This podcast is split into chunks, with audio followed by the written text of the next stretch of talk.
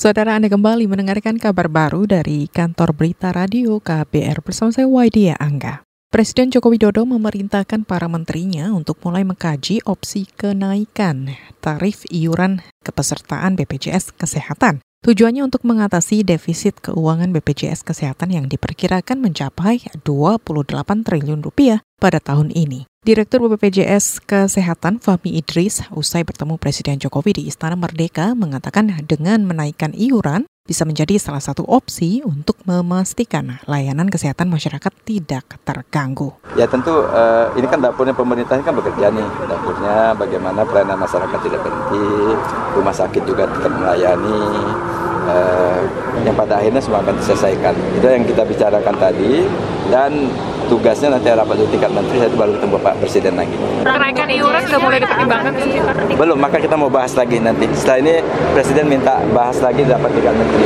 Direktur BPJS Kesehatan Fahmi Idris menambahkan, Wacana menaikkan iuran kepesertaan BPJS Kesehatan harus melalui kalkulasi yang ketat, terutama dari Menteri Kesehatan Nila Muluk dan Menteri Keuangan Sri Mulyani. Hingga Juni kemarin, keuangan BPJS Kesehatan tercatat mengalami defisit 7 triliun rupiah, 7 triliun rupiah dan belum dibayar. Padahal BPJS Kesehatan akan menanggung denda 1% dari nilai klaim rumah sakit kalau terlambat membayar. Kita ke berita selanjutnya. Lembaga Ilmu Pengetahuan Indonesia atau LIPI menilai masyarakat masih sulit mengubah pola pikir untuk mengganti konsumsi beras. Peneliti LIPI Yuyu Suryasari mengatakan konsumsi beras sudah jadi budaya yang mengakar sehingga harus ada dorongan terus-menerus untuk membiasakan masyarakat mengganti beras sebagai makanan pokok. Tapi kesulitan itu bisa diatasi dengan mengganti beras sesuai bahan pangan lokal yang ada di wilayah masing-masing. Jadi kalau mengubah pola makan ya, mengubah culture itu memang sulit. Harus ada pendekatan. Kalau pendekatan kami lebih smart gitu lah ya. Ini loh kalau orang smart sekarang itu makannya lebih sehat. Apa sih yang lebih sehat? Kalau padi misalnya kandungan karbohidratnya sekian, dengan glukosanya berapa. Ada juga kan dikembangkan sekarang katanya padi yang apa indeks glukosanya rendah atau bagaimana kan ya semacam itu. Jadi tujuan tujuan kita coba alihkan ke komoditas lain tapi yang ada pemikiran logisnya tuh diterima. Peneliti LIPI Yuyu Suryasari juga menyarankan masyarakat untuk mengkonsumsi umbi-umbian karena kandungan gizinya menyamai beras. Masyarakat harus didorong untuk tidak bergantung pada beras sebab penyeragaman pangan malah akan berdampak pada kerentanan pangan dan hal itu dapat menimbulkan bencana kesehatan seperti gizi buruk.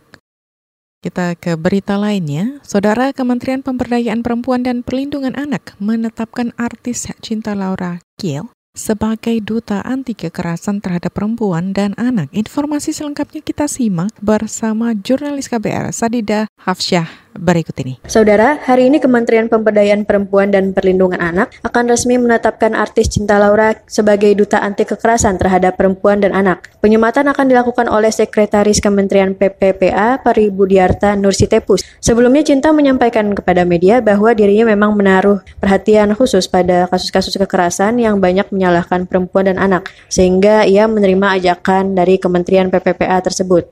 Di waktu yang sama, Kementerian PPPA juga memberikan apresiasi terhadap kelembagaan unit pelaksana teknis daerah perlindungan perempuan dan anak kepada lima provinsi dan lima kabupaten atau kota di Indonesia. Di antaranya ada DKI Jakarta, Sumatera Barat, dan Sulawesi Selatan.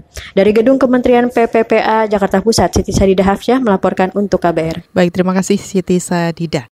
Kita beralih ke Nusa Tenggara Barat. Harga cabai di pasar tradisional Nusa Tenggara Barat terus naik, bahkan saat ini sudah menembus Rp80.000 per kilogramnya. Diperkirakan harga cabai akan terus naik kalau persediaan terus berkurang. Dinas Perdagangan NTB mengaku belum tahu langkah apa yang akan dilakukan dalam waktu dekat untuk mengendalikan harga cabai. Kepala Dinas Perdagangan NTB Putu Seli Andayani menegaskan, pemerintah Provinsi NTB tidak bisa mendatangkan cabai dari luar daerah karena harganya justru lebih mahal. Lo kan nanti minggu ketiga Agustus baru dia panen. Ya mungkin saja kalau ada cabai. Nggak ada, kalau dari Jawa juga harganya mahal. Oleh karena itu, ke depannya ya harus ada untuk apa namanya pasca panennya itu yang diperhatikan. Berarti kita masih. Iya, kalau sekarang kan tidak ada untuk proses tunda jualnya tidak ada.